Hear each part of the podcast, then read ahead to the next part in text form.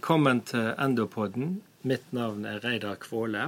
Jeg er intensivlege på Haukeland universitetssykehus. Og med meg i dag har jeg Marianne Øksnes, som er endokrinolog på Haukeland. Temaet i dag er reernæringssyndrom. Og Marianne, det blir ofte snakk om at vi må være observante på reernæringssyndrom. Men hva er det egentlig? og hva for pasienter er det som utsetter for å få det? Ja, Enkelt sagt så er reernæringssyndrom en alvorlig klinisk tilstand med opptil flere elektrolyttforstyrrelser, som typisk oppstår når en starter opp med ernæring til pasienter som er under- eller feilernærte. Og bare for å understreke akkurat det, det er ikke bare underernærte pasienter som er utsatt for å få reernæringssyndrom, men òg pasienter som over tid har fått for lite av visse næringsstoffer. For når kroppen går raskt fra en periode med sult, for så til plutselig å få tilført energi, så endres metabolismen eller forbrenningen av fett, protein og karbohydrater. Og derfor så skjer det en endring i mengden elektrolytter og i væskebalansen. Selve reernæringssyndromet er egentlig dårlig definert, men hovedkjennetegnet er mangel på fosfat, selv om selvfølgelig mangel på fosfat kan jo ha mange andre årsaker også. Og sånn historisk sett så ble reernæringssyndrom først beskrevet i etterkant av andre verdenskrig blant krigsfanger. Og etter å ha overlevd eh, langvarig sult, så døde over en femtedel av fangene i løpet av det første dagen etter løslatelse, som en følge av det plutselig økte matinntaket.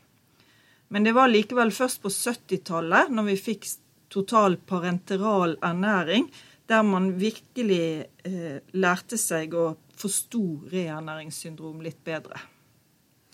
Du nevnte at eh, metabolismen endrer seg når en går fra eh, langvarig svolt og til plutselig eh, økt matinntak. Eh, kan du utdype litt eh, mer hva som skjer i kroppen når vi får reernæringssyndrom? Altså hva er patogenesen?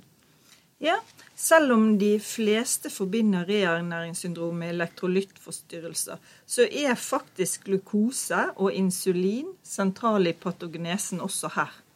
For sult det er en katabol tilstand, altså en slags nedbrytende tilstand. Kroppen forsøker å holde glukosenivåene normale, til tross for lite eller ingen tilførsel av karbohydrater.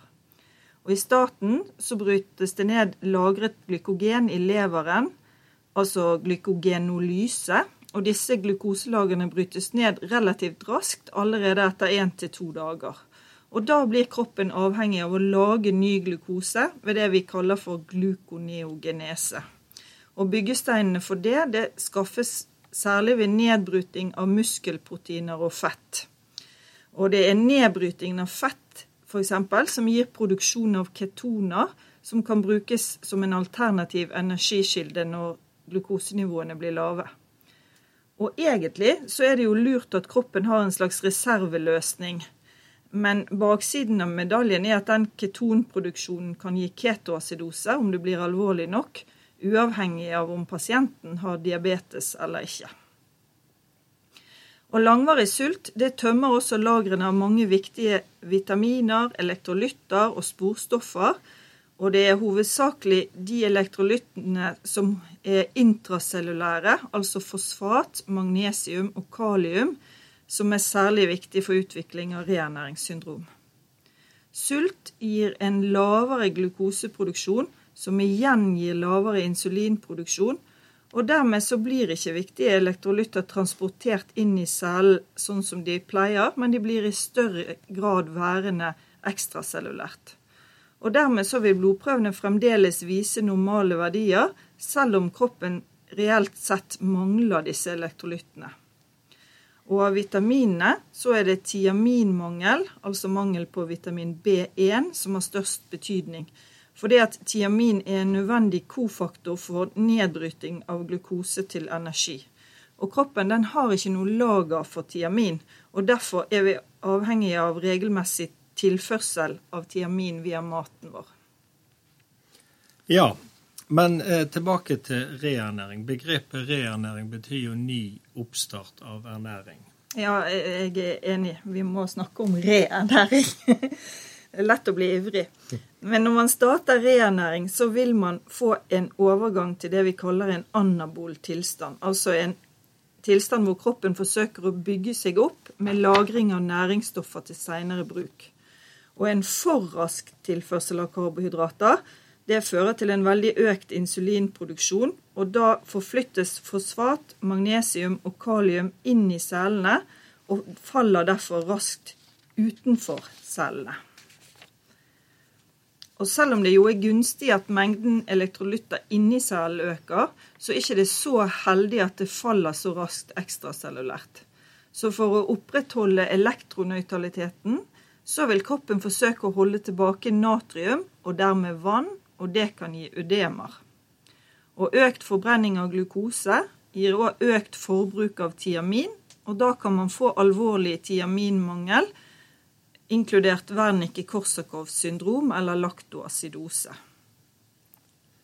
Det er ikke vanskelig å forstå mm, altså at uh, reernæringssyndromet er alvorlig, og at det kan føre til død. Men uh, hva for symptom kan pasientene få? Ja, De metabolske forstyrrelsene kommer vanligvis i løpet av de første dagene etter at man starter reernæring. Men det kan inntre i løpet av de første 10-14 dagene. Og pasienter som allerede har mangel på elektrolytter og vitaminer før man starter reernæring, de har høyest risiko. Og elektrolyttforstyrrelsene det gir mer eksitable eller irritable cellemembraner. Og det kan påvirke både hjertet, musklene og nervesystemet. Og det kan gi arytmier og hjertesvikt, kramper, muskelsvakhet, inkludert respirasjonssvikt, og det kan til og med gi koma. Og pasientene kan få problemer med både for høyt blodsukker og for lavt blodsukker. De kan få rabdomyolyse grunnet proteindestruksjon. Og de kan få metabolsk acidose pga. for mye laktat. Kan en få hint om reernæringssyndrom på blodprøveresultat? Ja, En bør jo mistenke diagnosen når man finner hypofosfatemi hos en pasient i risiko der man har startet reernæring. Særlig dersom de samtidig har andre elektrolyttforstyrrelser eller symptomer. Og Særlig er det kombinasjonen av lav fosfat og samtidig lav kalium og magnesium som er mistenkelig. Ja, Du har nevnt uh, flere ganger at pasienter med langvarig under- eller feilernæring er utsatte for å få reernæringssyndrom. Eh, hva tilstander eller sykdommer er det helt konkret som er eh, hyppigst assosiert med eh, risiko for reernæringssyndrom? Ja, pasienter med spiseforstyrrelse er kanskje særlig utsatt. Særlig anoreksipasienter som må følges nøye når man starter reernæring. Dessverre så er det kanskje ikke like stor bevissthet rundt dette syndromet hos andre risikogrupper, som f.eks. rusmisbrukere, undervektige eldre, psykiatriske pasienter med ensidig kosthold, pasienter med malabsorpsjon eller malign sykdom. Og Syndromet kan òg utvikles etter alvorlig sykdom som f.eks. etter større kirurgi eller etter overvektsoperasjoner. Sånn som vi allerede har vært inne på, så er det viktig å være klar over at lav vekt er ikke obligat for dette. Sagt på en annen måte, det er fullt mulig å være overvektig og likevel rammes av reernæringssyndrom. Og det er laget internasjonale kriterier for vurdering av risiko for reernæringssyndrom, de såkalte NIS-kriteriene. Pasienten har høy risiko dersom de har én av fire mulige kriterier, enten kroppsmasseindeks under 16 eller at de har hatt et vekttap på mer enn 15% de siste tre til seks månedene, eller at de har spist veldig lite, hatt lavt næringsinntak i mer enn ti dager, og dessuten lav fosfat, kalium eller magnesium før man starter reernæring. Det går an òg å definere høy risiko ved to eller flere mildere kriterier som oppfylles. Det kan man ofte finne i retningslinjer. La oss si at vi har en sånn pasient med økt risiko for reernæringssyndrom. Eh, hvordan kan vi forebygge at eh, pasienten utvikler dette syndromet? Ja, det er veldig bra at du tar opp det der med forebyggen. For det at fullt utviklet reernæringssyndrom, det ser vi ikke så ofte lenger. Men begynnelsen til det, det må vi være obs på. Og hos en pasient med langvarig sult, så er det viktigst å starte reernæring forsiktig, og så trappe opp kalorimengden gradvis.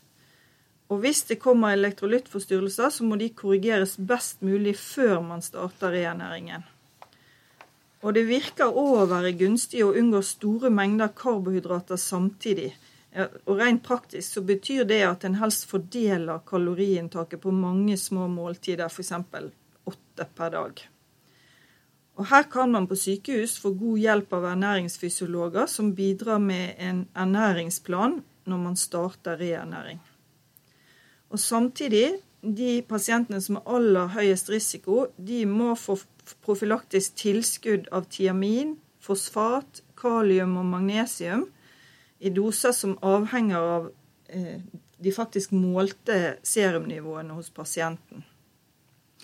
Og I tillegg så må væskeinntaket eller natriumkloridinfusjon det må begrenses noe.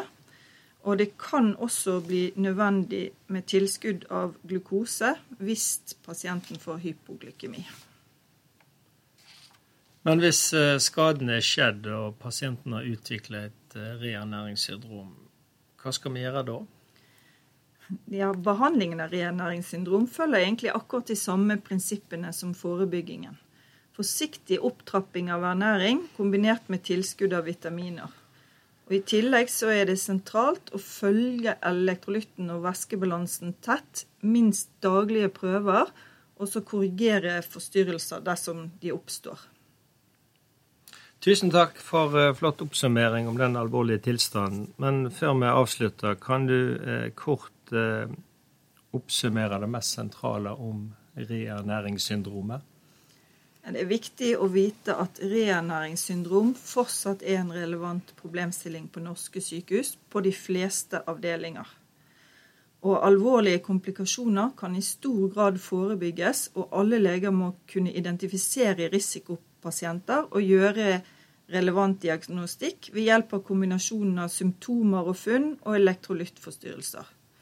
Husk, husk, husk å måle fosfat hos risikopasienter og husk at kombinasjonen lav fosfat, lav magnesium og lav kalium det er typisk ved reernæringssyndrom.